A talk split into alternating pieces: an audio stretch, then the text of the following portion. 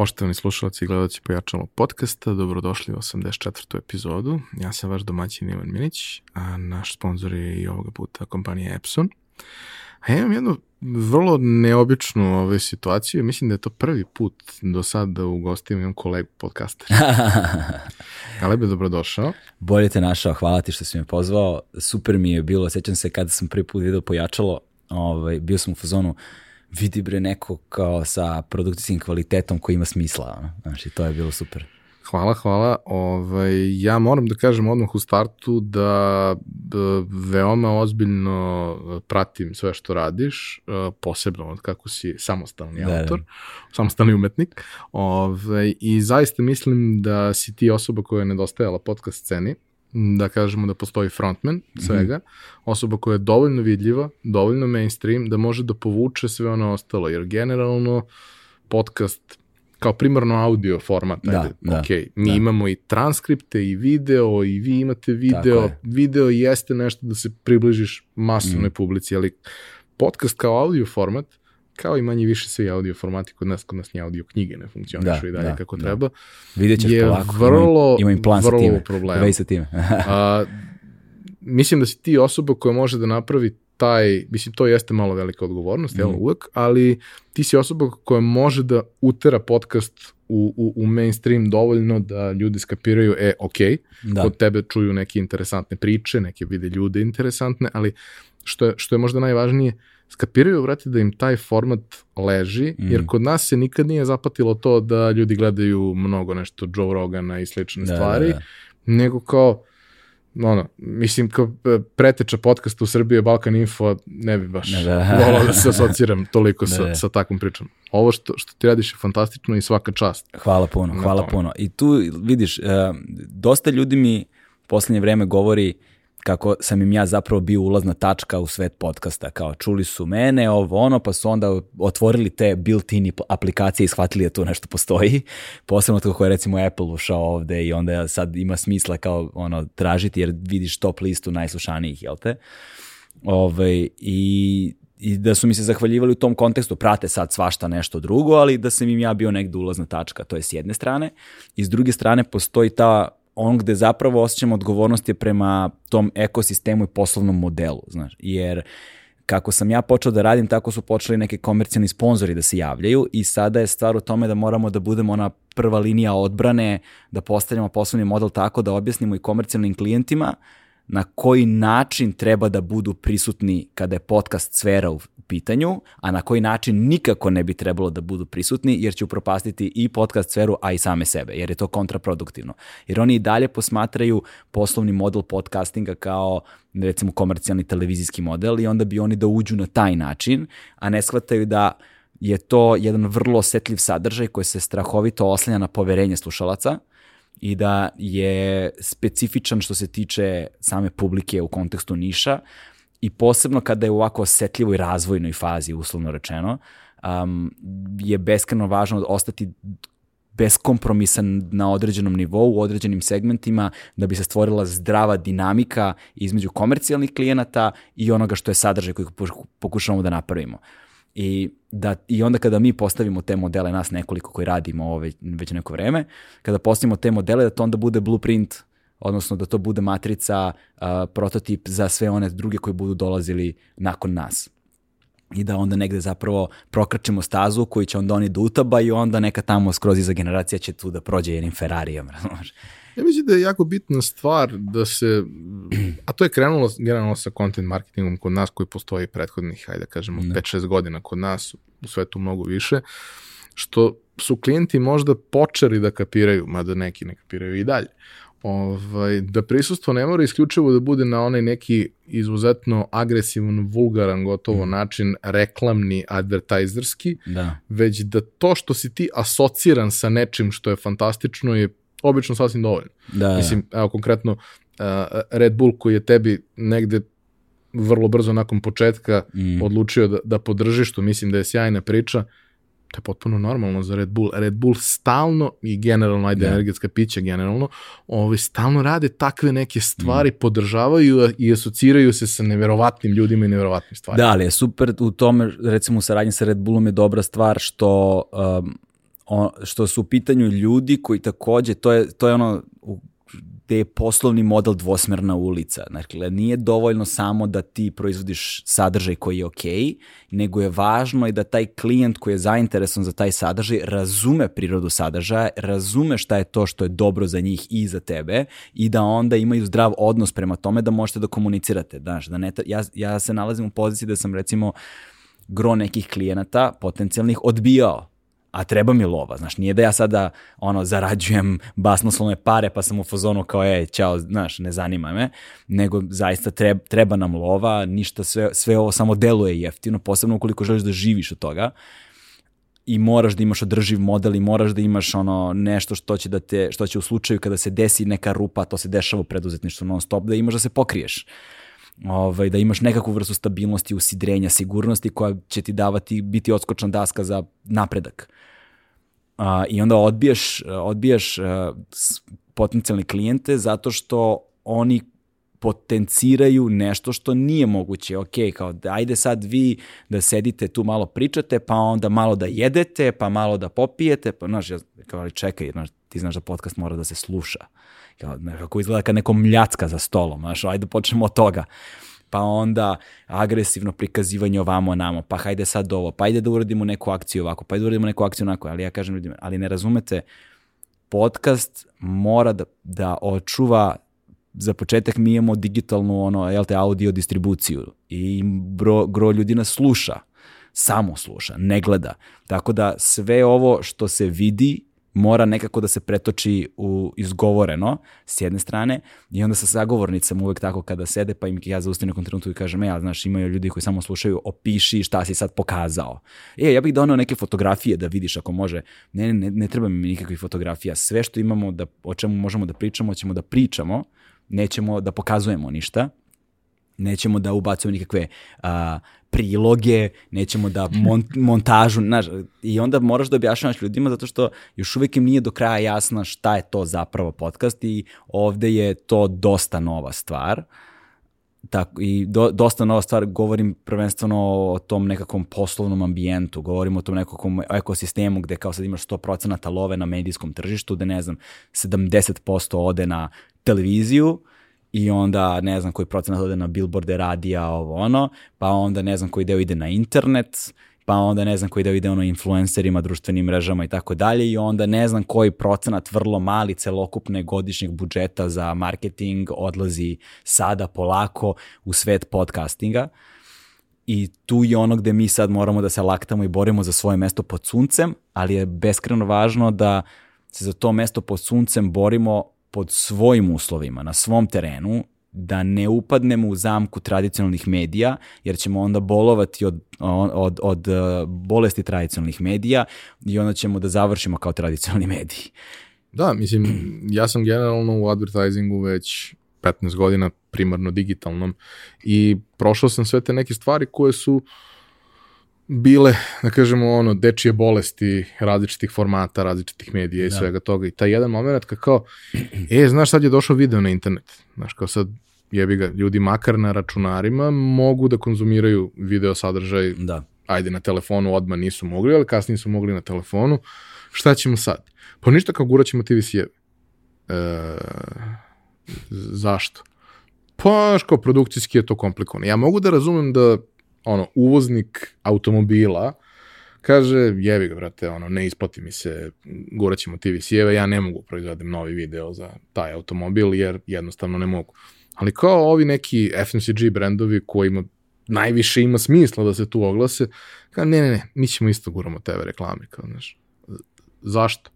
I onda da. kažeš, ok, ajde, ajde samo da probamo, napravimo eksperiment. Da. Uradite jedno kako, kažemo, medij, platforma nalaže, i drugo pustite TVC, da vidimo šta će da ima bolji efekt. Da, da, da. Kako, kako misliš efekt?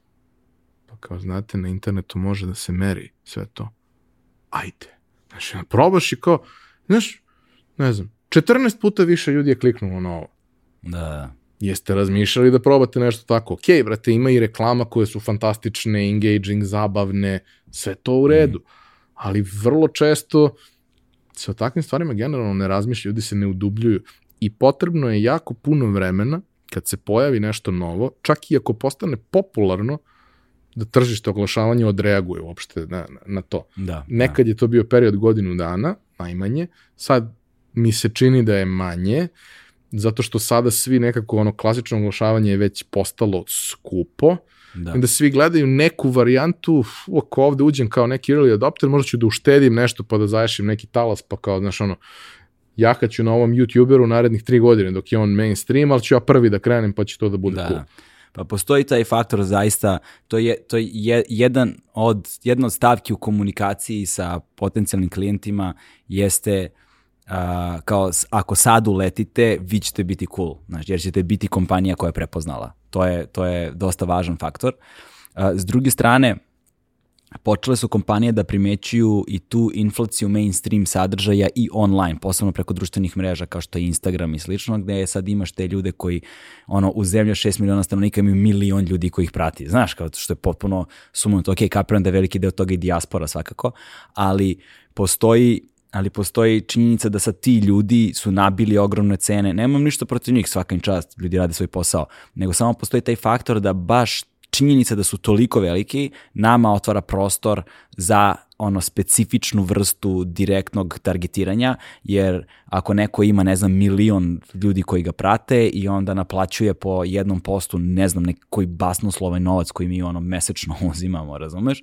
Ali onda oni naguraju u jednom danu, u jednoj fotografiji ili u jednom snimku ili ne znam čemu 50 nekih različitih stvari, onda oni imaju inflaciju tog sadržaja i sami klijenti mislim da su počeli da primećuju, on, barem oni kojima je važno, koji su takozvani data driven, znaš, kojima je baš važan dir, direktan rezultat tog njihovog plasiranja, primetili su da se, da se oni ne vide u moru tih stvari. Tu mogu samo ti major veliki brendovi zaista kojima to nije problem da priušte, i koji hoće da budu prisutni ono, da bacaju široku mrežu Ja, u nekim slučajevima je to i samo show off. Na Da, i na kraju dana je samo show off, šta god, da, ovaj, hvalisanje je sve to deo poslovnog modela koji njih ima smisla i onda oni naravno uzimaju velike pare velikim klijentima, ali onda imaš ove manje koji imaju možda skromnije budžete, koji bi pametnije da potroše taj novac i koji bi da imaju to kako se kaže popularno value for money, jel te, vre, znači da bude vrednost za novac koji si uložio i a, tada tu na scenu bi trebalo da stupamo mi gde možemo zaista da ponudimo te stvari. I onda je dobra, dobra kombinacija što sa razvojem tehnologija,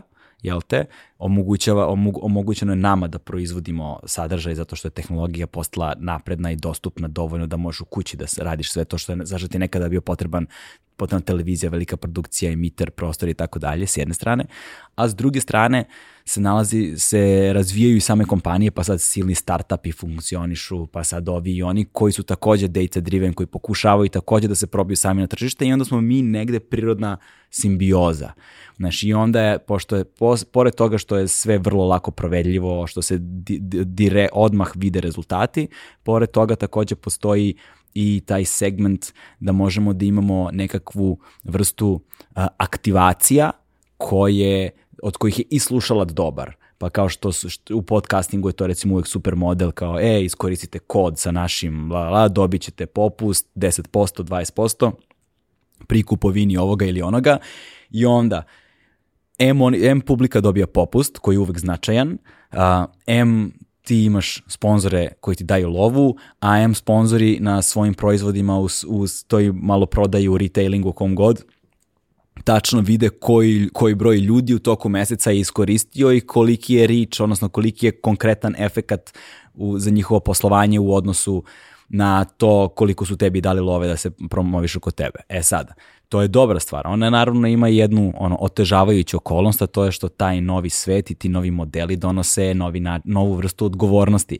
što je sad, ok, data, ne može da se potpiše tek tako ugovor na godinu dana, nego to obično budemo iz meseca u mesec, pa dok nam radi posao. Znaš, I tu je sad onaj moment, ok, sad ti moraš da napraviš model kako ja mogu za tih, ne znam, nekoliko meseci da zaradim dovoljno love, da sutra kad dodu ti sponzori mogu da prezupčim ne znam, period neki dok se ne pojave neki novi, ukoliko ne nabaviš neki novi umeđu vremenu. Ali opet je idealna varijanta kako da sad komuniciraš sa klijentima da ti porasteš tako da ne moraš ni ti sad da se pretvoriš neki teleshop, znaš, da sad ono prvih pola sata rokamo ko što, ne znam, Joe Rogan, ono kad ga pustiš na audiju, prvih 10 minuta, brate, on samo nabreja sponzore, znaš, toga nema na video formatu njegovom. E, i tu sad dolazimo do onoga što si malo prepominjao, a to je da bi podcast bio podcast, moraš da ga praviš tako da zvuk bude dobar, da imaš kontinuiranu proizvodnju i da a, imaš audio distribuciju. znači, to je, na, jer super je ovo što mi radimo video i vrlo je moguće da će budućnost podcastinga definitivno biti video. Evo, Spotify je u ugovoru baš sa Joe Roganom uveo video podcasting. Ti sada na aplikaciji možda pustiš podcast da gledaš video. I sad kad su, kad su ta vrata otvorena, ona se sigurno neće zatvoriti. Znaš, I sigurno neće ostati samo na tome. Samo je pitanje trenutka kada će početi da se pojavljuju i drugi koji će na tim digitalnim platformama biti video. Što je s jedne strane dobra, do, dobra stvar zato što će ući direktno u dvorište YouTube-u koji je ono Google, to jest koji je ono monopolista toliko veliki na, u, na svakom tržištu bukvalno video formata, pa i na ovom. I moći će da uh, moći, da, stvorit će malo zdraviju konkurentnost na tržištu koja će verovatno rezultovati i ekonomski bolji, a vidjet ćemo, vreme će pokazati, znaš, to je sad... Generalno sve te streaming platforme nose sa sobom uh, neki moment koji vrlo često za, za autore nije baš da, da, da. održiv. Jeste održiv ako si ekstremno veliki, ali da, da. vrlo mali procenat njih jeste ekstremno veliki, ali ono što je recimo vrlo interesantno, uh, nadovezat ću se pa ćemo mm. završiti sa ovom temom, ali uh, ima taj jedan moment kao, znaš, uh, ok, jel pratite rezultate? Pratimo rezultate. A koliko pratite rezultate? Popratimo, znamo koliko ljudi je došlo. Znate ko su ti ljudi? Zato što nije isto kada imaš influencerku koja ti dovede, ili influencera, nebitno, koji ti dovede 50 ljudi na tvoj promo kod, koji kupe jednom i nikad se ne vrate, i kada imaš ljude koji, zato što je to galeb, da. dođu, kažu, ok, hmm, ajde da koristimo i potroše, imaju 10 kupovina u narednih mesec dana. Da. Kao prosečna vrednost korisnika po kanalu sa kog je došao može da varira drastično. Da. A to ima jako veze sa tim što oni kažu, a dobro, ne znam, ova aplikacija za dostavu ili ovaj servis za šta god, mislim, svi su oni isti. Ali ovi nisu isti, zato što ovi podržavaju nešto što je malo drugačije, nešto što je kvalitetnije. Mislim, mi smo u jednom dužem periodu radili projekat za koji duboko verujem da cela ekipa smatra da je najlepši projekat koji smo radili, to je projekat moja firma sa Telenor. Mm -hmm. Ko? Koji je konkretan benefit za Telenor? Pitaj Telenor. Znači, te, pro, osim što je Telenor dobio sve moguće nagrade u okviru grupacije, što mislim da se nikada nije desilo da nešto iz Srbije mm -hmm. dobije nagradu u Norveškoj na, na, na takmičenjima, kao brand Affinity, koji se relativno lako meri i postoji ono, metrika kako se određuje, Brand Affinity kaže da su oni u svojoj primarnoj grupi korisnika koja im je bila najvažnija, to su mali i srednje preduzeće i preduzetnici, ono, postali najvoljeniji. Iako možda njihove usluge za taj deo publike se nisu razvijale u skladu sa tim. Ljudi su ipak bili u fazonu, e, kao, znaš, sve probleme koje sam imao u poslovanju sam rešio tamo, a mislim, oni su to omogućili da se desi. Pa dobro, jest, malo me nerviraju što nema interneta u paketu koliko treba, ali Znaš kao, ne, ne možeš ne može sve da dobiješ, ali se cimaju oko mene. Mm. I dosta brendova je krenulo kao da razmišlja na, na taj način. Uh, moram da te pitam, mislim, sad skačemo s teme na temu, ali mislim, ja moram da te pitam, zato što to, to je pitanje koje ja postavljam svim gostima i to mi negde ono kao je uvod za to što se desi posle u životu. Šta ste da budeš kad porasteš? ja, kada, kad, kad sam bio klinac, želeo sam da budem biolog odrastao sam ovaj, ono, na Atemboru i odrastao sam naš na opstanku Dobro. i odrastao sam na celoj toj ekipi i kao klinac sam bio fasciniran ovaj, svet, živim svetom oko sebe. Provodio sam baš mnogo vremena ono, na polju i u prirodi. Neobično mnogo čak i za jedno dete. I um, nekako nisam se baš najbolje uklapao u sredini u kojoj sam odrastao, znaš, a ni situacija u kući nije bila baš divna. I to je bio, bilo neko moje bekstvo od malih nogu. I druga stvar koja me od uvek fascinirala je bio svemir. I, ovaj, i živeo sam imao sam sreću da sam živeo u kraju koji ima malo svetlosnog zagađenja koje je na dosta velikoj visini kod Davolske šume u blizini spomen parka Jajinci i goru Kumodržu 1 kod Torlačkog visa i da sam živio u kući sa dvorištem i onda sam, to je malo kasnije, ali te došao život, ali bez obzira, ovaj, da sam provodio puno vremena gledajući u zvezde, Ovaj, zvuči totalno kliša, ali sam stvarno to radio. Ne? Ovaj, noću sam bio, bio često budan i, i čitao sam puno, čitao sam puno o tome i zanimao sam se, nekako sam uvijek sebe zamišljao u tom, mislim, maštao, nisam, nisam, nisam sebe zavaravao da je to nešto čime ću moći da se bavim u životu, prosto bilo je potpuno evidentno da su okolnosti životne bile takve da, to, da se to nikad neće desiti. I, jer to, to baš u vezi sa time kako sam, kako sam to znao. Pre nekoliko godina kada sam snimao u Americi, sećam se da sam sedeo sa a, likom kamionđijom koji se zove Mile Banjac i onda sam ga pitao, koji je došao 95. u Ameriku i koji je tamo odškolovao i decu i tako dalje, nikada se nije vraćao. Onda kada sam ga pitao zašto se nikad nisi vratio ovaj, u bivšu Jugoslaviju, on je rekao, zato što meni nedostaje zemlja koje više nema. A onda kad sam ga pitao kao, kako si, kao, kako, zašto si ostao ovde, znaš, tu gde god da je bio, i on je rekao, zato što ovde ukoliko možeš da obezbediš određene uslove životne, ovaj, deca mogu duže da budu deca ta, ta rečenica me dosta pogodila zato što na, na ličnom nivou, zato što negde ja osetio sam je duboko lično jer, jer je tad mi je pred očima pukla kao istina koliko je meni zapravo to detinjstvo bilo oduzeto, ja ga nisam imao. I, i bio sam svestan sve vreme da ga nemam. Znaš. I onda uh, sam voleo da mislima bežim u te daleke svetove, tako sam zavolio naučnu fantastiku koja me uvekla svet književnosti koja je posle postala veliki deo mog života. Ovaj, i kao dete sam, jel te, maštao to, ili da budem taj lik koji putuje po svetu i ovaj, istražuje nepoznate životinske vrste po Amazonima i tako dalje, sibirskim stepama, Antarktik, Arktik, to, znaš sve, Afrika, velelepna Madagaskar, šta ti ja znam, ovaj, kasnije me to odvelo u smer a, razmišljanja o a, prirodi ritualnog i kultura i onda sam i tu eksperimentisao svašta nešto valjda me ta vrsta um, interesovanja probudila to neku radoznalost duha koja me je onda vodila u dalja, da, dalja istraživanja. Ja sam nekako već na tom putu traženja sebe i traženja stvari i pokušavanja da dam odgovore na gro pitanja koje su činile život besmislenim pre toga. Ovaj, ali, ali da, to su bile dve kao ono stvari koje sam želeo da budem kad porastem, ali se nisam nikad zavaravao da ću to da budem zapravo. Znaš kako, uh, to je jedno od pitanja koje postavljam skoro svim gostima. I kod svakog od njih, uh, vrlo često su to stvari koje se kroz odrastanje menjaju, znaš, ono, mm, da. Htela sam da budem učiteljica, pa sam htela da budem medicinska sestra, pa sam onda skapirala da hoću da budem mol, nebitno, ili ono, hteo sam da budem kamionđija i da. kao, je, jel, kao, kad imam imaš drugara kamion, koje, kad si mali. Da, imam drugara koji je želeo da bude kamionđija, a nikada to nije postao. o, imam drugara koji je po, položio sa kamionom, ga nikad nije vozio, jer mu to nije bilo interesantno. Ovaj, ali taj moment, uh, kad vidiš kako se ta stvar razvijela mm -hmm. i gde su ljudi stigli, to uvijek bude interesantno. Da. I mislim, iz ovoga što ti pričaš, uh, ok, nisi postao astronaut i nisi postao biolog. Da. Ali si uradio toliko nekih priča koje se naslanjaju na te stvari i približio si to mm. mnogo većem broju ljudi nego što bi možda mogao da uradiš da si se zapravo bavio tim. Da, Ška, moguće. Da. Ja sam isto, mene su pitali, ne znam, imao sam 7 godina i čitao sam dečije sveznanje, jer kao dečije sveznanje na, najvrednija stvar koju možda imaš kad imaš manje od 7 godina. Da, hiljadu zašto, hiljadu zato. Recimo, da. da. I kao, sećam se traume moje učiteljice u, u drugom razredu kad, kad je ona mene pitala šta to crtam, ja sam rekao dezoksiribonukleinsku kiselinu. Kao zvala roditelje da pitala sve ok. Ovaj, ali kao ti, ti momenti i ti onda vidiš, kao, ja sam rekao uh, ložim se na dinosauruse i hoću radim u nasi.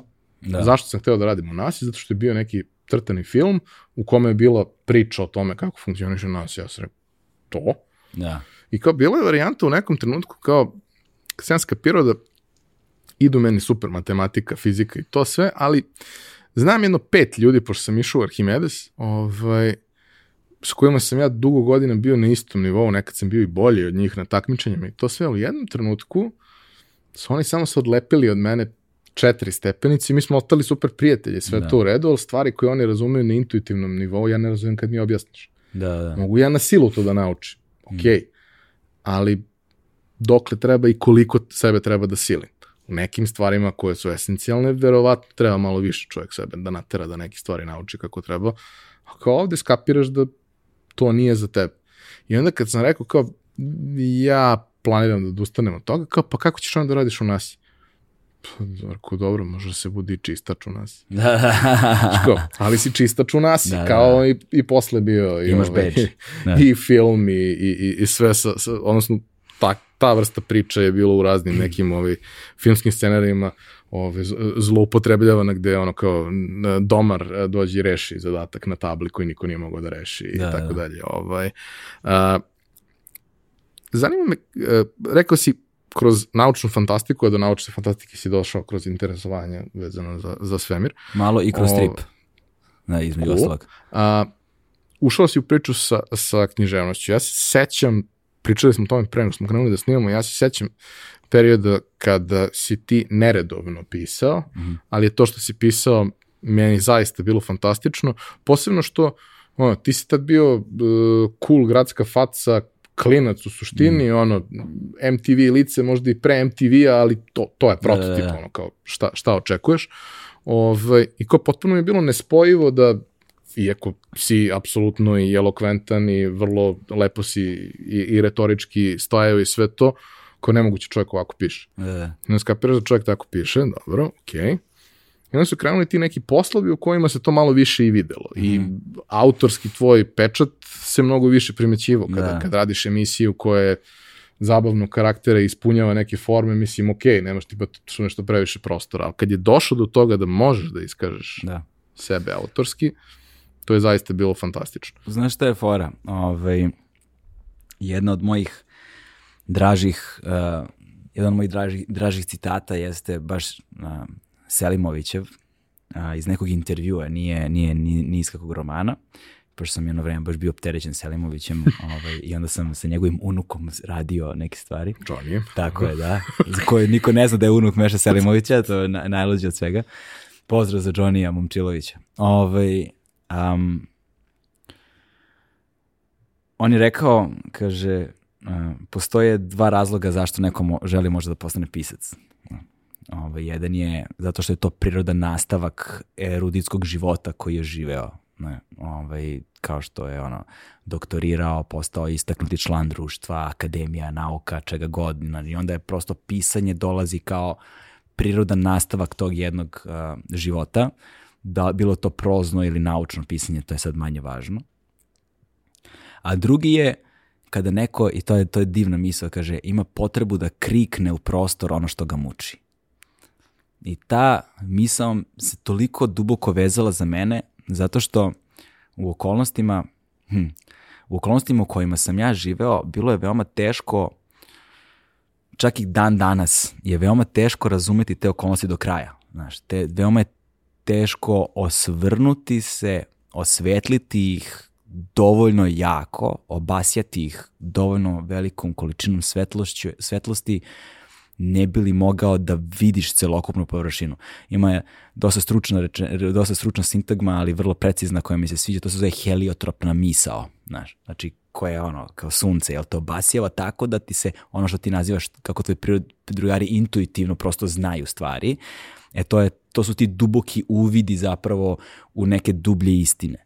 I svi mi imamo te neke trenutke u životu kada nam istina pukne pred očima, jer je nešto podsvesno sazrelo u nama, potpuno neočekivano i ono, u pola gutlja kafe, na pola koraka, znaš, u razgovoru sa nekim dok voziš auto na semaforu i samo ti pukne nešto što kao o, potpuno očigledna istina u vezi sa nekim aspektom tvog života koji, ti do ta, koji su do tada bili nedostupni. Razlozi zašto su nedostupni je ono zbog čega idemo na, kod psihijatra na, na, naš na terapije da bismo mogli upravo da o, o, omogućimo sebi dostupnost tim stvarima koje će posle da nas osveste. I ja sam u životu, a, nažalost, nisam imao gde da se obratim da dobijem odgovore na svoja pitanja. S jedne strane, nisam imao kome da se okrenem i da se obratim za uzor u životu i onda su to obično bile i onda su, onda su moje potrebe obično bile ta bekstva, znaš, kao strip u filmu, gledanje u zvezde, u svemiru, u biologiju, šta god. Ovaj, ali to sve u jednom trenutku više nije dovoljno. Znači, ti kako rasteš, kako odrasteš i kako sazrevaš, počinju sve više da kuljaju ta pitanja u tebi, da te more i ona postaju sve teže, sve teže ih izbegavaš. Sve teže, znači onda jednom odem, ne znam, u šumu, blejim tamo, ali ne mogu da se isključim. Ne mogu, onaš, nosim svoju glavu na ramenima i sad više nemaš tu dečiju naivnost koju možeš samo da se isključiš, iz sve, isključiš iz svega i sad počinju te posledice da te stižu. I kako te one stižu, one te preplavljuju i vodete u druga psihološka i emotivna stanja i ta psihološka i emotivna stanja postaju onda triggeri za brojne probleme u životu. A kakav si čovjek kad ustaneš ujutru, kakav si čovjek kad legneš uveče, kakav će čovjek biti u toku dana. I tačno je postao trenutak, to ono, neću nikada zaboraviti, ta zima 2007. godine, kada, kada, kada sam shvatio da jedini način da nastavim dalje ja da ostanem ile normalan je da probam da shvatim šta mi se dešava. I tada sam počeo da pišem. Jer nisam znao kako ću da, nisam znao kako da formulišem tu svoju misao. Nešto je, to je, to je bilo nekontrolisane misli potpuno u glavi koje su me dovodile u ono anksiozne napade, u napade panike, znaš, ono, pliš, dišeš plitko i brzo i krećeš se kao zver u kavezu od zida do zida i ne uspevaš da ono, držiš se za, sa slamčicu neku, ono, da, da ostaneš normalan, baš u tom trenutku se strahuješ da, izgu, da ćeš izgubiti zdrav razum i potrebno je da izbaciš nešto iz sebe. Ne znaš ni šta je to, ni odakle to dolazi, ni koliko je, ni ne, ne, ne znaš kako da se odnosiš prema tome tada sam počeo da pišem, samo da izbacujem misli, da, samo da, da, da, da, da se desi nešto, fizički da se desi nešto, da nekako simbolički barem to što je u meni izađe iz mene napolje. Da više nije tu, samo da me, da me pusti te muke. To je bilo rudimentalno i potpuno bez veze. Ove, ovaj, I tada sam počeo da kapiram da je i tu je ono gde je naučna fantastika ovaj, veoma važna. Čitao sam Filipa K. Dicka u to vreme, čitao sam um, da li je to bio, da je bilo Tecite suze moje reče policajac ili Tri stigmate Palmera Eldriča, zaboravio sam šta je od toga bilo. Ili je možda čak čovjek u visokom dvorcu, da, tu se radi o knjizi. O, kaže, kaže uh, oru, reči su najmoćnije oružje na svetu jer ljudi koji kontroliše re, kontrolišu reči i njihovo značenje kontrolišu ljudi koji moraju da ih koriste. To mi je ostalo urezano onako duboko i bio sam i tada sam tada sam ne pitaj me zašto počeo da čitam naši i sad i posle sam ja upisao i faks pa je tu krenulo da se uči teorija upisao sam književnost onda krenula se neka teorija da se uči onda je bila ta kritika moći suđenja a, Kanta ovo ono i onda je tu bilo kao da bi nacrtao liniju moraš prvo da je zamisliš ne postoji ništa u mislima čega prethodno nije bilo u iskustvu te sad neke transcendentalne ideje i sad ma, a, ali je fora u tome da sam skapirao da da bi nacrtao liniju moraš prvo da je zamisliš da bi je zamislio, moraš da imaš jasnu ideju o njoj. Znaš, to je jako čudno, znaš, moraš da je daš ime, moraš da je imenuješ stvar, da bi stvar postala stvarna. Kao u preduzetništvu kada radiš. Ja tu uvek govorim ljudima, kada počinjete, recimo sad me stalno pitaju za podcaste, kada počinješ podcast, pravilo broj jedan, samo proizvodi kontinuirano, nemoj da staješ. Nemoj da staješ. Šta god da se dešava, izbacuj epizodu. Loša epizoda, izbaci epizodu. Uh, desio ti se privatan problem, izbaci epizodu. Ostao si bez love, izbaci epizodu. Otišao si na letovanje, na zimovanje, ne zanima me, izbaci epizodu. Snimi u napred pa idi. Nije Napravi važno. plan, da. Napravi plan, izbaci epizodu. Kontinuitet, broj 1. Broj 2. Moraš da budeš spreman da će, na, na činjenicu da ćeš da praviš greške. Ćeš da praviš katastrofalne greške, da će, te, da će, da će ljudi svašta govoriti o tebi, budi spreman na to, a jedini način da na to budeš spreman jeste da znaš tačno šta želiš, da znaš tačno šta želiš i da veruješ u svoj proizvod. Kao to su dve stvari koje moraju da se dese kao preduslov da kada te napadnu, ti budeš spreman da se braniš jer imaš iza čega da staneš, ispred čega da staneš. E, a da bi mogao da imaš jasnu ideju, moraš da form artikulišeš svoju misao jasno. Moraš, i sad je ta artikulacija misli dugo pre toga bila proces koji sam ja počeo onako neuhvatljivo, labavo da nazirem negde tamo u daljini. I onda sam shvatio najvažnija stvar sa problemima koje imaš jeste da ih imenuješ. Moraš da im daš ime. Ali nije jednostavno imenovati, jer moraš da im daš ispravno ime. Jer ako im daš pogrešno ime, onda ćeš ih materializovati na pogrešan način, njihova priroda će biti pogrešna, njihova struktura će biti pogrešna i onda ćeš stvoriti odnos prema njima u odnosu na to šta ti misliš da oni jesu time što si ih imenovao, a ne ono što zaista jesu. I onda ćeš stvoriti odnos prema njima on, i počet ćeš da ih rešavaš u odnosu na to što ti misliš da oni jesu. Ja, naši ljudi generalno najčešće da. nazivaju posledicu, a ne uzrok. Tako je. Znaš, I onda ti možda imaš milion različitih posledica da je jedan uzrok znaš, kao, adresira taj uzrok, ali da bi mogao da ga adresiraš, moraš da ga razumeš. I to je, i to, je to. I onda stvore pogre, daju pogrešno ime, stvore pogrešan odnos i onda stiču iluziju o tome da su problem rešili, a on zapravo transgresira ispod na ostale aspekte tvog života, a da ti toga nisi ni svestan. E, kada je to meni postalo jasno, tada sam ja polako, nesigurnim koracima krenuo na to putovanje da probam da razumem prirode tih problema i da pokušavam jasno da artikulišem misle o stvarima koje me muče. Ali nisam znao kome da se obratim. Nisam znao kome da se obratim. Gde ću ja to da vidim? A onda mi je neko jednom pametno rekao, išao sam neke kurseve kreativnog pisanja i profesor ta, na, na kursu je naš jedan poznati pisac, da ga ne pominjem sada, mi je rekao najbolji način, najbolja lekcija kreativnog pisanja vam je kreativno čitanje nemojte da se plašite da čitate druge autore je, a, ako mislite da ćete da počnete da ličite na njih. Ako, počneš, ako čitaš Franca Kafku i počneš da ličeš na Kafku, brate, to je do jaja. Znaš ko, to je do jaja, to znači da si jebeno talentovan. To znači da si jebeno talentovan, a vremenom ćeš naći svoj glas. Ali pritom da pronađeš taj prozni ili poetski glas u sebi ukoliko želiš da pišeš. Ali čitaj, čitaj puno zato što ćeš shvatiti da su ljudi pre 500 godina, pre 300 godina, pre 1500 godina pisali o istim stvarima o kojima ti danas misliš. I probijaćeš ledove koji su probijeni pre 500 godina. Ima već ljudi koji su jasno artikulisali. Znaš ono kada sretneš nekoga koji u jednoj rečenici ti sažme ono skup nekih problema koji ste se nejasno vez, ono lutali po glavi kaže to brate, to jebote, bravo, kako si lepo definisao ono što ja ne umem već deset godina unazad. Takvi ljudi u književnosti ima koliko hoćeš.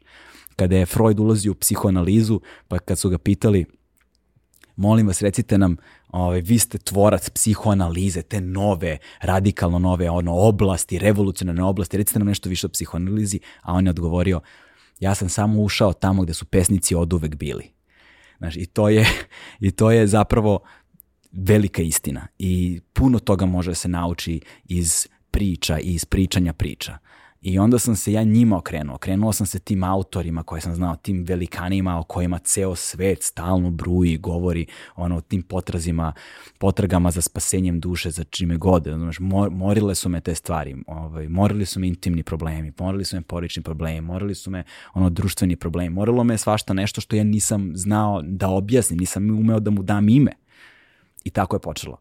Počelo je tako što sam pokušavao da pronađem odgovore na pitanja koje sam imao. Naravno, prave odgovore, nisam, znaš, to je sad, shvatiš vremenom, shvatiš da je putovanje poenta, a ne cilj. Kad kreneš na cilj, važan ti je, kada kreneš na put, važan ti je cilj, ali kad stigneš na cilj, shvatiš da ti je bio važan put. Ove, ovaj, I tako je počelo to neko moje interesovanje. U tom periodu, to što si ti čitao, znam tačno na što misliš zapravo, ovaj, što više, sva sreća, nije dostupno online, ovaj, već godinama do duše. Um, to su bili trenuci kada sam radio to. Imao sam potrebu da kriknem u prostor ono što me muči. I to je kumulativno izlazilo. Dakle, ja, znaš, sedim i nemam pojma, znaš, i u jednom trenutku to sazri i ja imam potrebu to da izbacim i izbacim. Ovaj, I to su stvari o kojima ja razmišljam i dalje. Znaš, i, i, i postoje planovi da se time možda ozbiljnije posvetim u jednom trenutku svog života. Ovaj, I svakog dana kažem sebi budalo jedna, evo već deset godina govoriš kako će doći trenutak da se postiš to, znaš, ali, ovaj, ali zaista se nadam da će to ono, da se desi u nekom trenutku, samo što uh, mislim da nisam još uvek spreman. Znaš, mislim da nisam još uvek spreman, mislim da nisam još uvek dovoljno vešt, mislim da nisam još uvek dovoljno dobar, Um, zato što nekako književnost je umetnost trećeg životnog doba. Znaš, i, i najtalentovaniji muzičar na svetu, znaš, može da bude ono, glup. Ne mora. Naravno, autorska muzika je, ono, ja, muzika i muzička kultura je nešto što je mene formiralo u toliko velikoj meri. Ali kažem, prosto talenat čini veliki deo um, toga prosto da li imaš sluha i ne umeš, da li imaš moć reprodukcije ili nemaš, da li si znaš, sluhista ili nisi, to nije nešto na što možeš zaista baš da utičeš. Možeš, ukoliko imaš pelcer, možeš da ga razvijaš. Trud, rad su ogroman deo toga. Ali činjenica je da znaš, moraš da imaš to. Za, za slikarstvo isto, za druge aspekte, naš fizički recimo uspeh u sportu, ti moraš da imaš nekakve genetske, nekakve predispozicije koje te čine takvim književnost je nekako umetnost trećeg životnog doba. Ti moraš da sabereš neko ogromno životno iskustvo, ti moraš da razumeš to, šta je to čemu pri. Ti moraš da imaš nekakav ogroman korpus znanja da bi mogao da pristupiš tome tako da to nosi nekakvu vrednost. I ovaj, im ja nisam, prosto mislim da još uvijek nisam tu. Znaš, prosto kaže, ovaj, ljudi ne razumeju koliko je teško napisati jednu dobru rečenicu. Ne priču, ne tekst, ne ono, kin, roman, kao evo ja sam napisao roman, prvete, znaš, danas je svako, svako je napisao roman. Debra, I to je. Napiši jednu dobru rečenicu. I vratio je se nakon tri dana, nakon pet dana, pa vidi koliko je zapravo dobro, pa shvatiš da nije. Ima ta misa Oskara Wilda kaže, o procesu pisanja, kaže, danas sam ceo dan sedeo i stavio sam jednu zapetu dva dana kasnije uklonio sam je. e, ima, ovaj, nije baš uh, adekvatna ličnost da se pojavi u kontekstu svega ostalog, ali jeste interesantan u svakom smislu. Um, Jordan Peterson, Aha. Uh, koji kaže ono, za knjigu koja je postala bestseller na globalnom nivou, no, čak 12, postoji kod nas 12 da, pravila. Pravila za život. Ovaj, I, ok, ono, ima vrlo interesantne neki point, ima neki point s kojima ne možeš se asociraš, nebitno. Ali taj moment gde on kaže, kao pričamo o čoveku koji je priznati univerzitetski profesor, koji je priznati autor ja. stručne literature i svega ostalo. Kao, ja sam ovu knjigu pisao 15 godina. Zato što sam svaku stvar koju sam pisao challenge-ovo do trenutka dok više sam u fazonu, ok, sad je ovo stvarno kako treba. Da. I kao, suštinski ono inženjerski je pristupio pisanju knjige što ja lično veoma mm. cenim. Nekad mi jako prija i da imam neku ko samo izbaci iz sebe nešto na način koji je fantastičan. Mm -hmm. To je isto super. Ali kao nekako mi se čini da u većini slučajeva, baš paralela koju si ti napravio i sa sportom i sa muzikom i sa svim ostalim. Sport je nešto što je za jedan kratki životni period. Najčešće ima sportova gde možeš i duže da se baviš, ali u principu baviš se 15-20 mm. godina. 10 se pripremaš, 10-15 se baviš i posle toga si živiš od stare slave u suštini. Ovaj, u muzici to ne mora da bude tako, ali ljudi koji su postali globalni fenomeni sa 20, nema ih mnogo koji su ostali globalni fenomeni sa 60. Ima ih, da. ali to je onda već zaista nešto vanvremenski. Hmm. Ali sve te neke stvari koje, koje gledaš tako, od, od, bilo da je u pitanju umetnost, gluma ili bilo šta drugo, kao vremenom ako ne, ne evoluira, ako ne sazri u nešto veličanstveno, prestane da bude značajno. Ne. Vremenom nestane. Ne, ne moraju, to, to je još jedna stvar o kojoj sam puno razmišljao. Šta znači ono, taj pojam veličanstvenog, taj pojam fenomenalnog, taj pojam genijalnog? Zapravo je veoma malo tema, posebno u savremenom svetu, koje su to. Jer na svetu to više nije neophodno. Znaš, mi ne želimo više u, u svetu epoha kojima je neophodan a, monstruozni gigant umetnosti da ti nešto izgovori. Mi živimo u jednom radikalno individualizovanom svetu u kojem smo toliko povezani da smo svi ostali usamljeni. I a, takozvane priče malog čoveka, takozvane najzgled svakodnevne, obične priče su ono što nam je važno. To je ono gde i podcast sfera dolazi. U velikom broju slučajeva podcast je nešto što je ljudima kao nekakav on, nekakva kompenzacija za, za, za ljudski kontakt, za a, dobra atmosfera, prijateljski razgovor, druženje. Ne, ne mora nužno to da bude samo da smo mi sada rekli nešto strašno pametno ili da smo rekli nešto strašno korisno. Nekada je samo ono, vozim se od Beograda do Gornjeg Milanovca sat i po vremena i treba mi neko mi pravi društvo u kolima. A, drugarica mi je poslala mim danas, Da. u kome kaže, ne znam, ono, sin priča sa mamom ili šta god, ono kao, a, imam novog prijatelja. Jel prijatelj ili podcast host? I kao, a, dobro.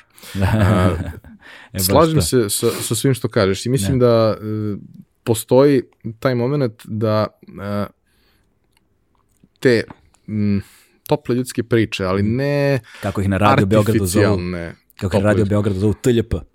ovaj, onako, otac modernog advertisinga, William Bill Bernbach iz uh, DDB-a, je uvek insistirao na tome da tih 60. godina, mislim, to je vreme i okruženje u kome je nastao Mad Men, mislim, Mad Men je izmišljen, ali dob, dosta stvari se naslanja na te Nisam stvari. nikad gledao Mad Mena. Mm, interesantno je, Da. ali je mnogo zapravo interesantnije. Mislim, interesantno je, je ono, kompletna ikonografija je fantastična, sve to izgleda wow i te priče su super i ti karakteri su meni nekako ono wow, ali mnogo je zapravo interesantnije kad istražiš ko su stvarno bili ti ljudi i kako je to stvarno funkcionisalo. Deo toga možeš da vidiš u seriji, naravno, ali serija je komercijalna serija sa svim Da. svojim momentima.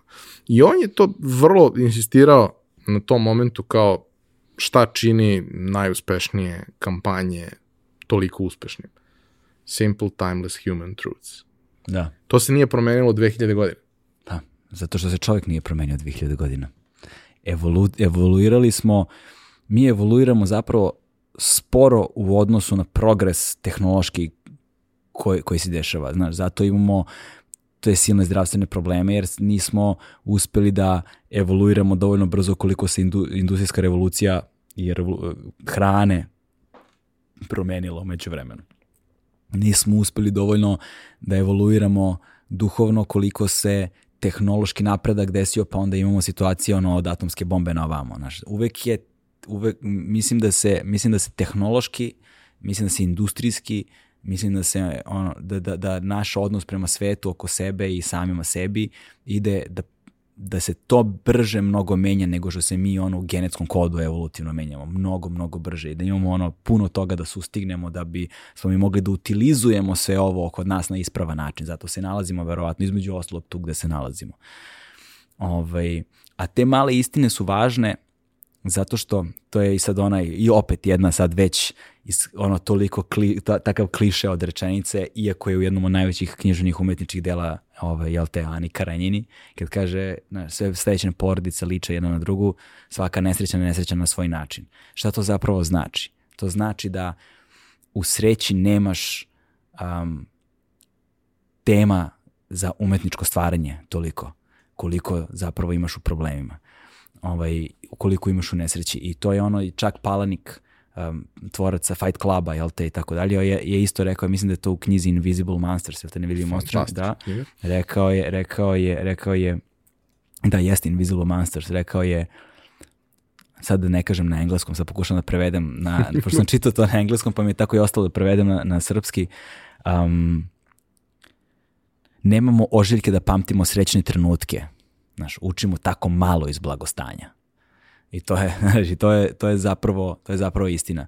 I te male ljudske istine i te obične svakodnevne ljudski životi su, bez, su važni jer oni mogu simbolički, alegorijski ili kako god hoćeš zapravo da budu most koji mi, preko kojeg mi adresiramo teme koje na taj način mogu da budu važne.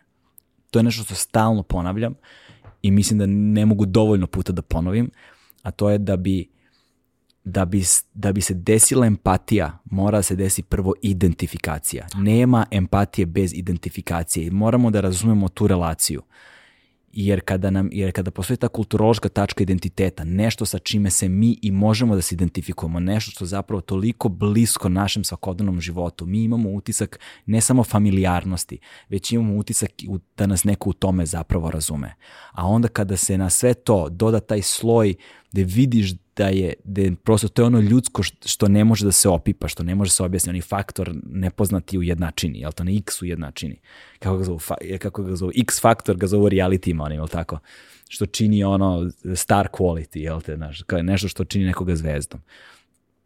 Jeste, um, kada na sve to dobiješ taj sloj da je neko iskren u svemu tome, da je to zaista autentično, autentično tada se otvara taj most poverenja između tebe i kogod je autor. A onda taj autor, ukoliko je dovoljno dobar kroz to, može da ti provuče neke velike životne istine. I onda to, imaš recimo te čuvene epistolarne romane, ovakve ili onakve romane u kojima, na primjer, na izgled se ne dešava ništa. Kao sedimo, imaš scenu ručka gde sede dve porodice i oni ručaju narednih 20 strana Ali je džavo u detalju. Znaš, ali to je, znaš, ali ko pored koga sedi, kako, šta je to što izgovaraju, šta su te formalne ljubaznosti, ovako, onako, ali ti treba da budeš dovoljno pažljiv čitalac, pa da to pročitaš na tom sledećem nivou, ne na nivou samo onoga što je kao radnja napisano. Je sada kako se te stvari učitavaju u filmskoj umetnosti, sad je to nova tema, kako se oni čitavaju u popularnoj kulturi, u muzici, znaš, i na kraju dana kako se one iščitavaju kada radimo, recimo radimo podcast ili bilo što drugo. Jer to je onaj faktor nepoznatog koji privlači ljude određenim ljudima, platformama, temama, znaš, nešto gde se ti identifikuješ i to je ono što zapravo ljudi u marketingu pokušavaju da eksploatišu. Ono, uh, reč broj jedan poslednjih nekoliko godina u svetu marketinga je narativ. Znači, ono, ako sam nešto čuo na briefinzima i sastancima i ono, brainstormovima i šta god, to je bio narativ, narativ, narativ, narativ. Dobro, pre toga je bilo e, viral, ali e, ne viral u, u smislu hajde da osmislimo nešto što će biti viralno, nego evo mi smo ovo napravili i možete ga napra da ga učinite viralno. A, to, je, to je taj pogrešan način razumevanja okay. stvari, da. da. I, ovo, I sada i taj narativ je nešto što, mislim, ono, Coca-Cola je na tome izgradila brand ceo, znači, znaš, kao prosto celo, celo, celo svoje nasledđe korporativno su izgradili upravo na tome. Nike sa svojim reklamama upravo na tome jaže. S time da oni vrlo često odlaze i u sentiment koji je vrlo često patetičan, ali oni znaju jako dobro svoju publiku, pa im to prolazi, znaš. A, baš ono, ne znam da li si ti ispratio, ali jedna od kao bitnijih stvari tokom pandemije, pošto sam ja bio zaglavljen u Teksasu, mm -hmm. jedna od bitnijih stvari koje se za mene desila je da je izašao Last Dance mm -hmm. i 10 epizoda ovaj, Jordanovog dokumentarca, s tim što vrlo je diskutabilno koliko ono može se nazove dokumentarcom, ali okej. Okay. Uh, jer je to nešto što mene vraća u jedan, ok, izuzetno težak, ali lep period odrastanja i on nikad nije bio moj heroj, da. jer nikad upravo to nisam mogao da se asociram sa njim, jer kao on je savršen. Ja ne mogu da se asociram sa nekim ko je takav. Kao što koliko god izuzetno cenio, a patološki pratim tenis 35 godina, mm -hmm. kao ja ne mogu se asociram sa Novakom Đokovićem. Jednostavno ne mogu. Ja ne mogu sebe da zamislim, ne, bez obzira na količinu rada koja je uložena, da mogu da funkcionišem mm -hmm. na taj način. Ja nađem nekog otpadnika, da, da. koji je kao, znaš, ono, ni po kom kriterijumu fizičkom ne bi trebalo da bude u top 100, ali on je 12. na svetu ili 8. Da. i kao, on je moj čovjek, tako je, ne znam, Janko Tipsarević, konkretno moj omiljeni igrač bio godinama i pre toga su uvijek bili neki takvi. U Jordanovo vreme isto. Sad ti gledaš te stvari i kao potpuno je sa, iz ove perspektive neverovatno šta se tu dešava. Da.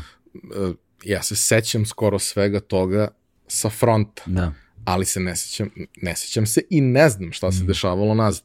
To je bilo vreme kad si mogao pročitaš u uh, tempu dva meseca nakon što se završila All-Star utakmica, kako se završila. Mislim, moglo je po novinama, ali da. ništa dalje od toga. Niko nije imao tu informaciju. I sad to prvi put vidiš. I ono što mi je recimo neverovatno bilo, dosta sam razmišljao o tome jer je to bila tema o kojoj smo mnogo pričali u tom periodu okay, pričao sam i sa bivšom devojkom malo, pričao sam, ali sa gomilom prijatelja koji imaju neke slične ono, interesovanje, vrednosti, to se sedimo, pričamo i sad kao, znaš, svi smo gledali istu stvar. Da. Ali nemamo, uopšte nemamo ni slične doživljaje toga mm. svega.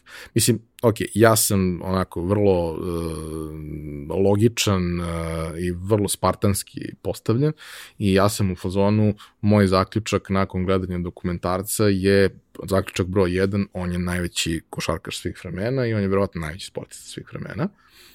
Zaključak gomila nekih drugih ljudi, primarni je, on je psihopat. Da. Ok, on jeste psihopata. Šta je važnije? To što je on psihopat ima mislim, ima 100 miliona psihopata i on nije najveći od njih. Ali ovo je predominantno. Pa kao da, ali znaš, on je ovakav ili onakav. Mm -hmm. A, zašto sam krenuo to? Pominjao si, pominjao si Nike. Kao Nike je bio suštinski potpuno beznačajan igrač koji je odigrao na njega i dobio nešto što je nezabeleženo u da. istoriji marketinga i advertising. Imali su i neke situacije u kojima su se upucali nogu, gde izaberu brand ambasadora koji nakon toga napravi skandal i od toga ispadne problem. Takve stvari se dešavaju. Ali u tom periodu kad su oni porasli toliko, mm -hmm. da im se to nije desilo, danas ne bi postojali. Ili bi da. bili potpuno beznačajni proizvođač iz nekog malog mesta u, u, u Oregonu. Kao, znaš. znaš kako, svaki čovjek koji govori o razlozima sobstvenog uspeha, da ne navede sreću, laže sebi i druge. Znaš, moraš da imaš sreće, moraš da se rodiš, na, budeš, da ti se dese stvari na pravo mesto u pravo vreme, da, ali stoji tu naravno i sad stepen lične odgovornosti, prepoznavanja prilike, korišćenja te prilike, hrabrosti da se upustiš, ono, u ono juneće upornosti da istraješ i tako dalje, svega toga, ali svakako u toj čorbi postoji faktor sreće. Ano. To je jedan od razloga zašto ne igram nikada igra na sreću, nisam nikada igrao igra na sreću, ne znam da igram ni jednu igru kartama, ovaj, ne, ne, ne igram ni jednu igru da se bacaju kockice, imam neki patološki odnos prema tome, ovaj, zato što mislim da je suviše malo sreće u životu da bih je trošio na te stvari, a to sam zaista iskusio na sobstvenoj koži i svestan sam od malih nogu sam svestan tog faktora. Znači, jer ljudi moraju da razumeju u tom kontekstu onda i odnos privilegija.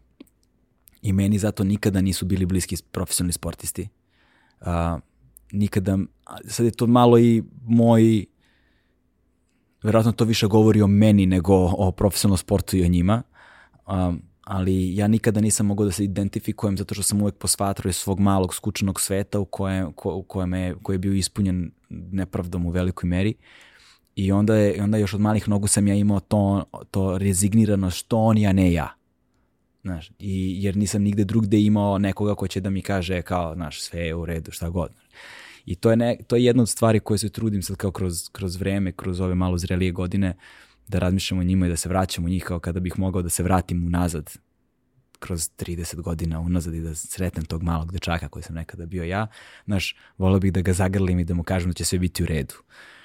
Ovaj, I znaš, ljudi ne razumeju da ukoliko šta god da se dešava u okruženju, u kojem živimo, znaš, čime god da smo okruženi, šta god da se dešava, znaš, opet negde treba da gajimo to osjećanje odgovornosti prema sebi i prema drugima, ali ono ne dolazi, znaš, sad imam 38 godina i sad ja pametujem iz ovog ugla, znaš, da si mi, da si mi, da sam, do, da sam, da čujem, ja, ja sada, da čujem, ja, ja, ja od pre 10 godina, od pre 10, ne, od pre 7 godina, znači, znaš, kao ja da čujem sad sebe šta govorim, ono, ja bih, znaš, on, ko je ovaj metorac? Ko, ko je ova budala, brate, razumno, da, da upotrebu neki eufemizam.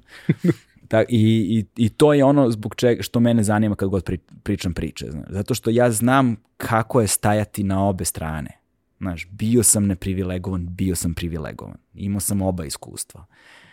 I znam koliko je velika razlika ta dva sveta. Koliko se oni ne dodiruju.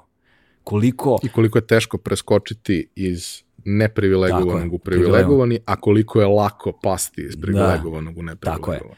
I koji, koji meri to sačinjava dinamiku društvenih odnosa danas i društva uopšte. I ono što ja bih, što bih ja najviše voleo kroz svoje delovanje da radim jeste da nekako pokuš, pokušam da otvorim ta vrata, da otvorim taj portal, da na, izgradimo taj most, da nekako kao neko ko je bio žrtva svega toga i na jednoj i na drugoj strani i neko ko je ono spalio toliko mostova u životu generalno, bih voleo zaista da izgradim neki, znaš, kao da, da, da, da ostaju mu amanet, razumeš, da, da prosto omogućim um, ljudima da, ima, da, da postoji platforma na kojoj mogu da čuju takve priče. Znaš, na koji može da dođe i ovo i onaj i da bude najrazličitiji spektar likova, A, da su svi... tebe to stvarno ima. Da, da, znači, baš, na, da, baš najrazličitiji spektar likova i da nekako oni su svi kad tu dođu ravnopravni. Znaš, I onda vidiš, joj, te vidi, bio i ovaj, bio i ovaj. Znači, neko koga bi možda smatrao, ne znam, bitangom i vuci batinom, ispostavi se da je neki cool tip, znaš, a neko koga smatraš možda, ne znam, mitskim bićem, znaš, dođi i sad prosto ispostavi da je jedan sasvim običan tip. Ovaj, i, i da za, sad, sad počnem da zvučim kao hipi, znaš, da nema to, da nema razlika među nama, da smo svi mi jedno i svi smo mi isti to. Ali tu ima zapravo neke istine. Nisu ni ti hipici naš potpune budale, razumiješ? Ima i tu zaista istine. Ovaj, isto kao što ima istine velike životne u onome, u onome što čime se bave ljudi iz korporativnog sveta, u onome čime se bave ljudi iz preduzetničkog života. Jednostavno moraš da iskusiš sve te stvari pa da upoznaš te sisteme i da vidiš da i u njima postoje dobri ljudi koji imaju kreativni ljudi, pametni ljudi, dobronamerni ljudi, da prosto uvek postoji ta neki širi, šira slika nekog sistema ovaj, koja je možda nepravedna prema nama. I znaš o čemu sam isto razmišljao posljednje vreme baš dosta? Razmišljao sam o inteligenciji kao formi. Kao biću. Znaš, sad malo abstraktnija kategorija. Da li je inteligencija zapravo biće za sebe? Jer um, ukoliko imaš nekakvu organizaciju, nekakvo društvo, nekakvo telo, or, da li je to sad recimo vlada, da li je to nekakav strust, ono, banaka, korporacija, ovoga ili onoga, sve, sve, sve te šire sisteme zapravo ipak sačinjavaju ljudi koji imaju ljudske osobine, imaju ljudske probleme, imaju uh, ljudske atribute, imaju sve elemente onoga što ga čini ljudskim i onda su oni možda u kolektivnom stanju svesti zapravo jedna inteligencija, jedno biće. Da sad neki institut za nešto koji od 3000 ljudi su možda jedno telo, jedna inteligencija koja ima sve osobine čoveka, samo što je kolektivno. I da na taj način kao kolektivno biće možda ga tretiraš i da može se kreće kroz određene uh, društvene promene i to se i dešava sa svim tim velikim, da li političkim organizacijama, sportskim klubovima, nije važno, imaju uspone i padove, imaju vek trajanja, imaju sve ono što čini jednog običnog čoveka. I mislim da veliki deo identiteta i poistovićivanja između oslog sa timovima i tako dalje jeste kada kažu mi smo pobedili. A ti nisi ono, gledao si, sedao si na, kod kuće i gledao TV, šalto kanale, ali mi smo pobedili. Taj identitet kao kategorija proizilazi verovatno iz toga ili sačinjava deo o, toga zašto to i nešto jeste. Možda je čak i ono sine qua non, neka, nekakva uzajamna nužnost, jedno bez drugoga ne može da postoji. Kao noć i dan, kao dobro i zlo. I, i isto tako kao što je identitet a, iracionalna kategorija, artificijalna kategorija. Ne možeš da mi izvadiš krvi da mi utvrdiš ono nacionalnost ili šta god, ali, ali bez obzira što nije fizička kategorija kao takva, ona je nužna kategorija za razvoj naše ličnosti, nas kao pojedinaca i društva i čini ogromnu ulogu u upravljanju naših, našim životima i načina na koji posmatramo sebe i svet oko sebe. Stvarnost koja je kreirana u našim, našoj svesti uslovljena je upravo velikoj meri tim identitetskim tačkama. I onda ono što sam ja kroz život pro, prošao u, u nedostatku pripadanja, upravo toga, jer nisam pripadao nigde, i nikada nisam bio, bio sam obožavan i prihvat ono oberučke i bio sam apsolutno prezren, a nikada nisam bio ravnopravan, znaš. I ovaj, to je kreiralo tu dinamiku koju živim i dalje, gde sam ja zapravo kao nekakav turista u mnogim oblastima. Ja se zainteresujem za to čime se ti baviš, uletim u to, provedem dovoljno truda i vremena uh, dam da razumem zaista šta je to čemu se ti vraćaš, zbog čega ti to voliš i čim sam ja to razumeo, počnem polako da gubim interesovanje i idem dalje. I to je ono što je možda odredilo moje pričanje priča kroz različite formate u kojima sam učestvovao. Zanima me određena tema, dovoljno duboko uronim u nju da je razumem. Čak se i sam ono, uvek se sam sebe dam, ja učestvujem, ja probam na sebi, znaš, se. da, to. I, ovaj, I kada to shvatim, aha, shvatio sam, ispričam tu priču, spakujem je, pustim je i idem, idem dalje. I ono što meni od uvek nedostajalo jeste koji je to format u kojem bih ja mogao da se zadržim. Znaš, da sad krenem, počnem s time i da to bude celoga života.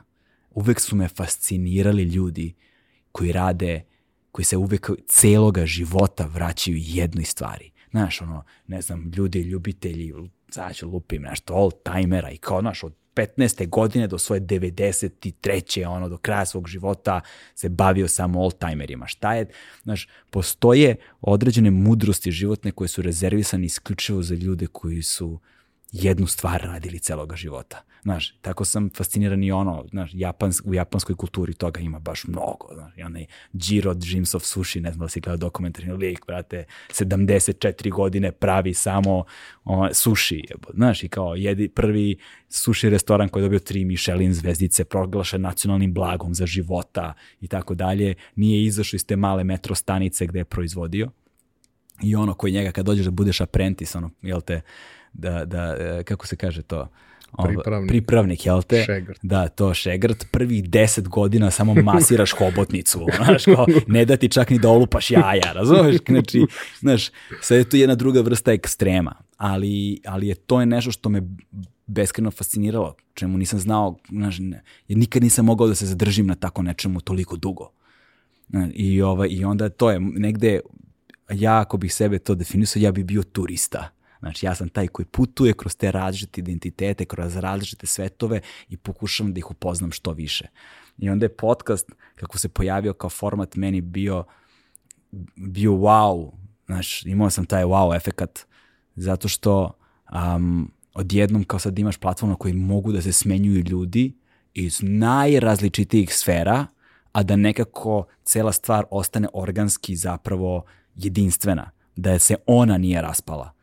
Razumeš? Znači da, da možeš da šaraš kroz najrazličitije teme, a da zapravo se format kao takav ne menja i da to može da bude portal u upoznavanje drugih svetova. I tu je ono gde sam se ja, kad sam skapirao šta je podcast zapravo, tu sam se ja zalepio i u fazonu, wow, brate, pričam ko konj, znaš, toliko sam ljudi upoznao, toliko sam stvari doživeo koje neke ne mogu da se ekranizuju, ne mogu, ne, znaš, još uvek nemam dovoljno, ono, kako moja, moja pokojna majka govorila, ovaj, znaš, uhvatim, imam crve u dupetu, znaš, ne mogu da sednem dovoljno miro da zapišem, razumeš tako nešto, ali uvek mogu da sednem da se ispričam sa nekim. I to je ovaj i to je ono zbog čega je mislim podcast kao format sjajan zato što i trenutno iskreno jedinstven tradicionalni formatizovani mediji su to potpuno izgubili. Moram da kažem jednu stvar. Jedna moja veoma draga prijateljica koja je između ostalog uh, psihoanalitičar uh mhm. -huh. i psihoterapeut, um, mi je rekla, jer je period korone iskoristila da odsluša dobar deo emisije Pojačala, koje nije stigla da odsluša pre toga. Mi smo snimali i tokom koroni ako sam bio u Americi, ali to su bile neke malo drugačije epizode, neki malo kraći formati gde nemam goste nego sam ja sam, nisam hteo da radim remote epizode, nego kao ja sebi snimim tamo nešto i mhm. to je ljudima bilo interesantno, dobro je prolazilo, ali kao želeo sam da se vratim svoj intervju formu. Nebitno. Taj period, on, umesto da slušaš sat i po razgovora, slušaš 15 minuta razgovora i fali ti. I onda da. slušaš nešto staro. I onda mi kaže, između ostalog, kad sam se vratio, videli smo se, on kaže, Znaš šta, ovaj, kao, ovo što ti radiš je fantastično i ovo što nisam bila svesna toga koliko je to sjajno, jer sam uvek birala šta, šta ću da slušam po onome što me interesuje. Nisam slušala redom, nisam da, pratila da. nešto. Ima razlog zašto si ti to tako snimio. Žali, ali najveće ono kao otkrovenje u celoj priči je da sam ja u suštini tek sad upoznala tebe. Ja sad razumem tebe. I da. to je jedina zajednička stvar koja se vezuje i za sve tvoje goste. To si ti. Da. I okej, okay, ti nisi dominantan tu, ali si to ti. To je tvoj duh. To je svi ti ljudi, ako bi gledali ono na nekom grafikonu, postoji jedan nod koji sve te ljude spaja. Mm. Možda ih ne spaja ništa drugo. Možda neki od njih spajaju razne stvari. Da. Ali svi oni međusobno mm. su povezani kroz jednu tačku, a ta tačka si ti.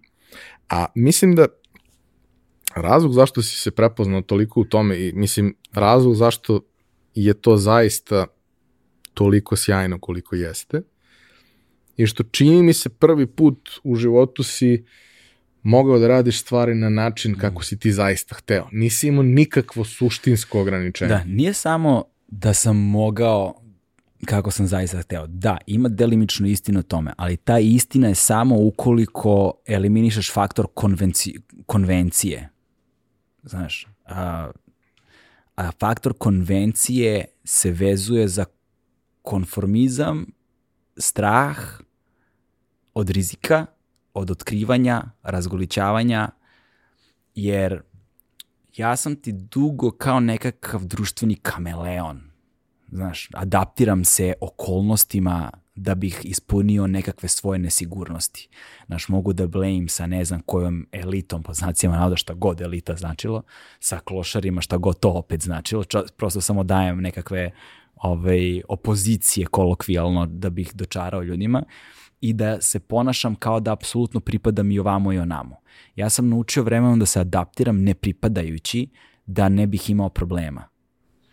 Znaš, i onda sam se izveštio u tom adaptiranju, što se pokazalo kao dobro za istraživanje procesa priča, jer kad mene ljudi pitaju, jo, kako si, brate, sigurno si lažiro ono s onim dilerima, što bi tebe neki tamo dileri pustili da, im, da snimaš kako se kuva droga, znaš. I ja onda kažem, i onda kao, to su bili statisti. Rekao, ne, ne, ne, nisu ljudi, morate razumete. Um, ne možete nikada da potcenite ljudsku potrebu da ispričaju svoju priču. Ali da bi je oni ispričali, mora da se desi nekoliko stvari pre toga. Jedna od tih stvari je da se stvori taj odnos poverenja. Ti moraš da radiš na tom odnosu, da se stvori odnos poverenja i poštovanja, da oni vide da ti njih zaista, ne da se pretvaraš da bi ispračao priču, nego da, ti, da oni vide da ti njih zaista poštuješ i da ti zaista imaš poverenja prema njima i da zna, mogu da računaju s time da ti njih nećeš zajebati. I oni kad vide to, kad to postane evidentna, očigledna istina, tada oni imaju prostor u kojem u ti njima otvaraš slobodan prostor da se oni otvore, a da se osjećaju sigurno dok to rade. Jer i njima je značajno da ispričaju na neki način priču o sebi i da ostave kako, čime god da se bave, to je sad manje važno, ali čime god da se bave, ma koliko da je svetlo ili ma koliko da je mračno, ljudi žele da ispričaju svoju priču. I, ovaj, I nekako sam ja uvek bio portal kroz koji su drugi ljudi pričali svoje priče, a nikako ja da ispričam nešto o sebi, znaš. I uvek, i to je deo, deo, deo, deo javnosti kojima nisam bio simpatičan, ovaj, kojima možda nisam i dalje, to je sad manje važno, je upravo bilo to nešto što, što im je verovatno smetalo, zato što kao prisutan sam, ali zapravo ne znaš ništa o meni. Znaš, imaš neku sliku o meni, I čim je to tako, automatski neko to ono, stavlja nekakvu labelu koja kaže on je fake. On je fake i kraj, gotovo, on je fake i nervira me, mnogo me, brate, nervira ovaj lik, ne mogu da gledam, razumeš? A to je sve zapravo iz ličnog osjećanja nesigurnosti, iz ličnog osjećanja kao naš, naučio sam da se krijem iza tih paravana, da dobijem ono što mi treba u kontekstu kao da li naš nekakve javne potvrde, da mi neko dođe da mi kaže kako sam ja super. Znaš, jer ja jesam odrastao sa duboko usađenim osjećanjem nesigurnosti koje negdje dalje nosim sa sobom i borim se sa njime i moje istupanje u javnu sferu je zapravo bilo uč, bio učbenički primer skrivanja na otvorenom. Znaš, daj recite mi koliko sam super, dajte da vidimo koliko sam ja do ja, recite mi kako sam divan, znaš. Ovaj, I to naravno ima vrlo kratak rok trajanja. Znaš, kako odrastamo, kako starimo, kako prolazimo životne iskustva i dobra i loša, shvatimo da posma, počneš pos, drugačije da posmatraš te stvari u životu. Znaš, devalviraju te vrednosti vrlo brzo, ti viškovi otpadaju i jako lako. Znaš, posebno kada se ti razvijaš kao karakter, kao ličnost, kada ti počneš da osvešćuješ sebe, sve to oko sebe, kad posle da oformiš sobstvenu porodicu i tako dalje, sve, svi ti viškovi počnu da otpadaju, kada ti više nisi centar sveta, kada svet ne počinje, ne završava se sa tobom, tada, a i kada počneš da postaješ svestan, svestan konačnosti, kada jednom kosti počnu da bole, pijanstvo, ma, mamurluk više nije mamurluk nego tri dana bolest, znaš i to, i onda počinješ dakle, da... Dakle, posle 30. Da, posle 30, to, to. Pa, ima prijateljica, koleginica moja draga, mi je rekla, to se gaže galebe lomi između 33 i 35.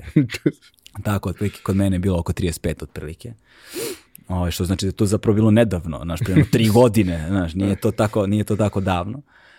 Ovaj, i, a, i, i, i kada su te stvari sazrele, tom trenutku sam ja skapirao, hm, a možda ja više ne bih morao da se krijem. Znaš, možda bi trebalo da ispričam neke priče zato što mislim da su važnije od mene. Jer možda postoje neki ljudi koji prolaze kroz slične stvari kao ja. Znaš, I možda se oni baš kao što sam se ja osjećao usamljeno tada, beznadežno i bespomoćno, što je onda triggerovalo druge aspekte tvoje ličnosti kao potrazi za, ne znam, opstankom. Ovaj, koliko bi meni značilo da sam tada nekada davno imao nekoga ko bi zapravo podelio i shvatio da nisam sam. I bio sam na nekom a, nekom festivalu umetničkom dosta progresivnom, gde se pričalo o tim nekim novim teorijama u, u umetnosti, kreaciji i tako dalje, gde je kroz neke eksperimente sa društvenim mrežama jedan a, umetnik, teoretičar, nazovimo kako, kako god hoćeš, rekao, kaže, stidljivost je određena forma sebičnosti, jer nikada ne možeš da znaš kako ono što znaš samo ti može da pomogne nekome drugom. A zbog svoje stidljivosti, zbog svog straha to ne deliš i neko drugi ne može sebi da pomogne. To kad sam čuo na tom predavanju, bio sam u fazonu, znaš, koliko god da je ono nategnut odnos između toga, ali sam ga ja protumačio tako što onda govori o nekoj, znaš, možda mom podsvesnom Ovaj, Koliko god ne očekivao da ćeš tako nešto čuti na takvom mestu. Na nekom mestu sačekalo me malo ovaj, nespremnog i neke duboke procese je pokrenulo. I ima to tako nekoliko tačaka u prostoru i vremenu koje su svaki put dale mal, malo su me gurnule napred ka toj ivici i onda staneš na tu ivicu ovaj, s jedne strane ličnih, intimnih potreba, s druge strane ono, iskora, iskoraka u preduzetništvo u kontekstu kao neću iš radim za platu, hoću sad ja da iskoračim i onda stojiš na toj ivici i brate, teško je, znaš, treba skočiti. Kao kad staneš zaista na ivicu i hoćeš da skočiš, pa skoči, skoči, pa ono 3, 2, 1, jump, jump, bungee, bungee, bungee, to, znaš, kao, brate, treba da skočiš, treba da skočiš. I to je ono što, i kad sam skočio, zamisli, poleteo sam. Znaš, nije, nisam ljosno. Promašio si zemlju. Promašio sam zemlju, tako je. I sada sam ono jedan od evanđelista te, te vrste promene koji stalno govore ljudima usudite se da skočite, ne možete da shvatite koliko je oslobađajuće, čak i da tresnete. Usudili ste se. Jebote koliko je to oslobađajuće. Jer, jer sada, tek sada, sa nepuni godinu dana, od kako sam se usudio na taj korak, toliko mi se život promenio. Ne mogu da prepoznam sebe od pre godinu dana. I sed, sedim i razmišljam, jebote, tome nas niko nikada nije učio u životu. Ti za celo svoje školovanje niko ne sedne dva minuta u odeljenju da vam kaže nešto o tome kako izgleda individualni lični napredak u poslovnom svetu. Šta znači tvoja plata? Znaš, kao da tu na platu idu neki porezi, neki doprinosi, da tvoja plata nije samo 300 ili 500 eura, nego plus onaj porez, pa da tu ide neki knjigovođa, pa da tu idu neki ugovori, pa koliko je neko zaradio na tome što je tebe zaposlio. Znaš, da dobiješ svesnu sliku o tome koja je tvoja vrednost i šta je to što ti donosiš na tržište, jer niko te nije zaposlio, čime god da se baviš, zbog toga što si samo ti i neko god da si i šta god da je to čime barataš i da to nešto zapravo bi možda mogao na neki način mogla, mogli da učiniti i sami. Ovaj, ali opet se vraćam na to, moraš da znaš šta želiš, znaš s jedne strane, i moraš da veruješ u to što želiš, a da bi to moglo da se desi, moraš neke unutrašnje procese da rešiš da bi mogao da stekneš dovoljno samopouzdanja. Ne mora nužno to da bude do kraja, zato se uvek tako divimo tim mitskim likovima u ono mainstreamu čega god kad neko kad postigne određen stepen uspeha postaje mainstream čime god da se bavi. Da li je ono osnivač Google-a, znaš, ili je... Čak i ako je geek. Da. Čak i ako je, znaš, čak i ako je geek ili automehaničar, nije važno šta je, kad dođe do jednog stepena uspeha, on postaje, oni postaju mainstream. Ovaj, I svi ti ljudi, kada ih pogledaš sve, uključujući tog Michael Jordana, ovaj, šta im je svima zajedničko? Ono, samopouzdanje koje je veće, ono, i to neko će reći ego, neko će reći sociopata, psihopata, ali to samopouzdanje je magnetski privlačno. To je ono što čini deo njihove harizme. Kad vidiš, jer, jer je ono ogledalo tvog nedostatka baš tog istog samopouzdanja. I jedan rad na tome ovaj, je, je zapravo pravi ozbiljan rad na sebi i neverovatno je koliko je moje upuštanje u samostalnu poslovnu delatnost zapravo terapeutski dobro delovalo na mene. Znaš koliko, ne znam, deset godina psihoanalize nisu učinile, učinile je osam meseci podcasta. Moram da kažem jednu stvar. Ovaj, moj dragi prijatelj Srđan Ercig je bio u jednoj epskoj epizodi pre nekoliko nedelja i uh, mi ono kao na kraju svake epizode izvučemo neke zanimljive citate koje objavljamo na društvenim mrežama mm. prosto da bi se jel, dodatno ostavio taj neki trag komete za svaku epizodu koju je da bi možda povukli još nekog da posluša. I sad, mislim, Srđan je jedna ovako dosta šizofrena ličnost po mnogo osnova čovjek koji je... Verujem sam da danas bio s njime na sastanku isto. ok. Jutro smo se našli. A, dve lika koje smo pominjali danas pre podcasta, ovaj, ovaj, da, svet je mali, a nekako verujem da smo mi postali dovoljno veliki i da smo došli do toga. Uglavnom, a, ja često kažem kad me ljudi pitaju, ono kao, srđan, kao, kakav je on i to sve. Kažem, srđan je čuvar galaksije. No. Pa ne kao, znaš, ali on je neodgovoran. Je... Pusti to što je srđan neodgovoran. Nije srđan neodgovoran, nego ti imaš od srđane očekivanja koje ne treba da imaš od srđana. Znači, prosto ono, ne. malo je problem i u tebi, malo je problem i u njemu, ali srđan je čuvar galaksije. Kako se postaje čuvar galaksije? Što je prvi citat koji smo izvukli iz njegovog intervjua? Koji? Ja nikad nisam mislio da nešto ne mogu. Da, da. E, znači, ja kapiram da za 90% ljudi je to problem i da Brate, ceo život odrastaju sa idejom da, da nešto a nema. Znaš, a ja sad ću ti reći, to je potpuno obrnuto od mene, ali bukvalno diametralno. Jer, jer sve što sam postigao u životu, postigao sam zato što sam mislio da ne mogu. I činjenica da sam mislio da ne mogu i da sam mislio da sam toliko jadan, glup, nesposoban, da to nije za mene, da ima toliko drugih i boljih, da niko to neće želiti da vidi, da čuje, da će mi se smejati, da će me ponižavati i sva ta, znaš, i onda, i onda tonem u to, tonem, tonem u to, dok se ne smučim sebi, dok ne postanem odvratan sebi. I onda kada postanem sebi toliko jadan i odvratan da ne mogu sebe više da podnesem, onda to uradim u inat samo da se tako više ne bih osjećao.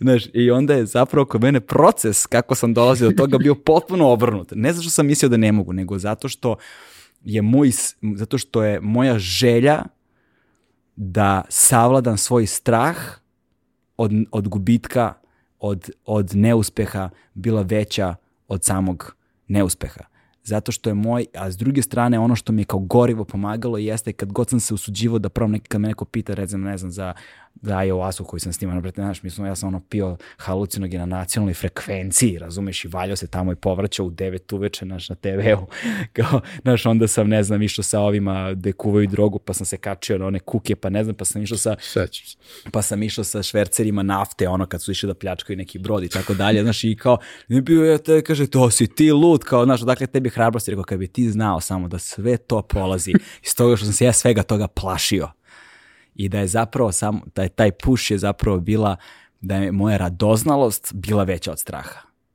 Znaš, samo to. Ne, strah je bio ogroman, samo radoznalost bila veća. I ovaj, ali, ali kroz sve to, a razlog zašto sam neke stvari možda uradio dobro, jeste zato što sam se temeljno vodio računa o njima zbog straha da ne ispadnem budala. Ono, ne, ne znam, znaš, čudno je, ali je, mislim, mislim da je tačno. Znaš, iz ovog ugla sada, evo danas kao naš 2000, ono, 20. godine, mislim, znaš, pite me za 10 godina pa ću ti možda reći kakva budala ona i Galeb nekada davno.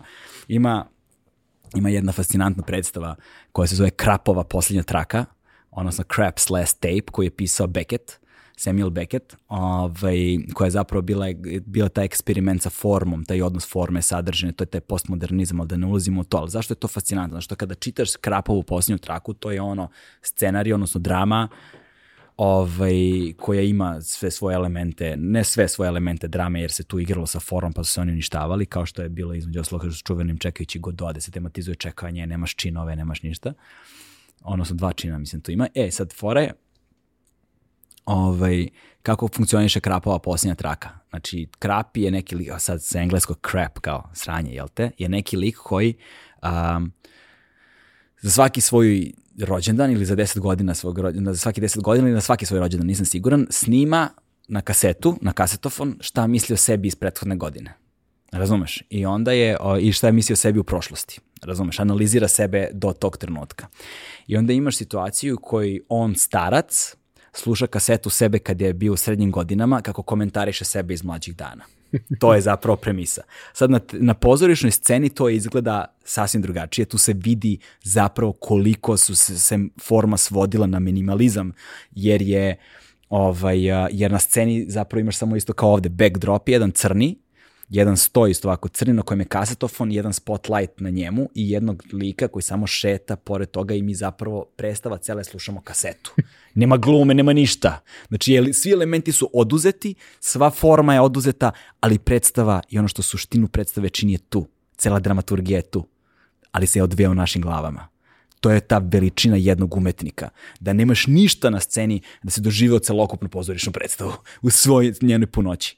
Ali je fascinantno onda kad taj sadržaj posmatraš, odnosno posmatraš sadržaj gde imaš jednog istog lika koji su zapravo tri potpuno različite osobe samo zato što su tri različite tačke u vremenu koje, su, koje, koje sačinjavaju jednu ličnost. I onda ti imaš čoveka koji razmišlja na tri potpuno drugačije načina, koji se ponaša na tri drugačije načina, koji donosi tri dva, drugačije vrste zaključaka, gde zapravo opet ni iz čega form, u formi dobiješ jednu lepezu gde se postavlja pravo ono ultimativno pitanje šta znači ja, šta znači čovek, šta znači individualitet kao takav uopšte. Znaš, koliko smo mi ono što mislimo da jesmo i koliko je sve ovo što smo mi sad pričali zapravo tačno ili nije.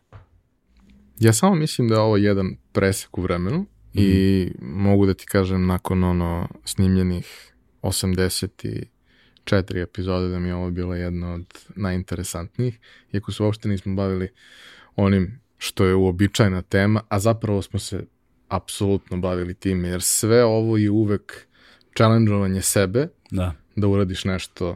I ti si rekao, uh, bio si više radoznao nego što te je bio strah. Da. A ja uvek kažem malo drugačije, ali se svodi na istu suštinu. A, nema veze koliko se plašiš, va, bitno je samo koliko ti je važno. Ako ti je da. važno, naći ćeš način da prevaziđeš to koliko se plašiš. Da, može se, može se reći, ali a, isto tako je važno prepoznati šta ti je važno. Znaš, jer to je ono što, što je veliki deo našeg in, intimnog putovanja, jer veoma često ne prepoznajemo važne stvari dok ih ne izgubimo. Znači, veoma često ne prepoznajemo težinu i ozbiljnost onoga do čega nam je stalo, ne prepoznajemo stvari koje nas formiraju kao ličnosti, dok možda nekada ne bude prekasno.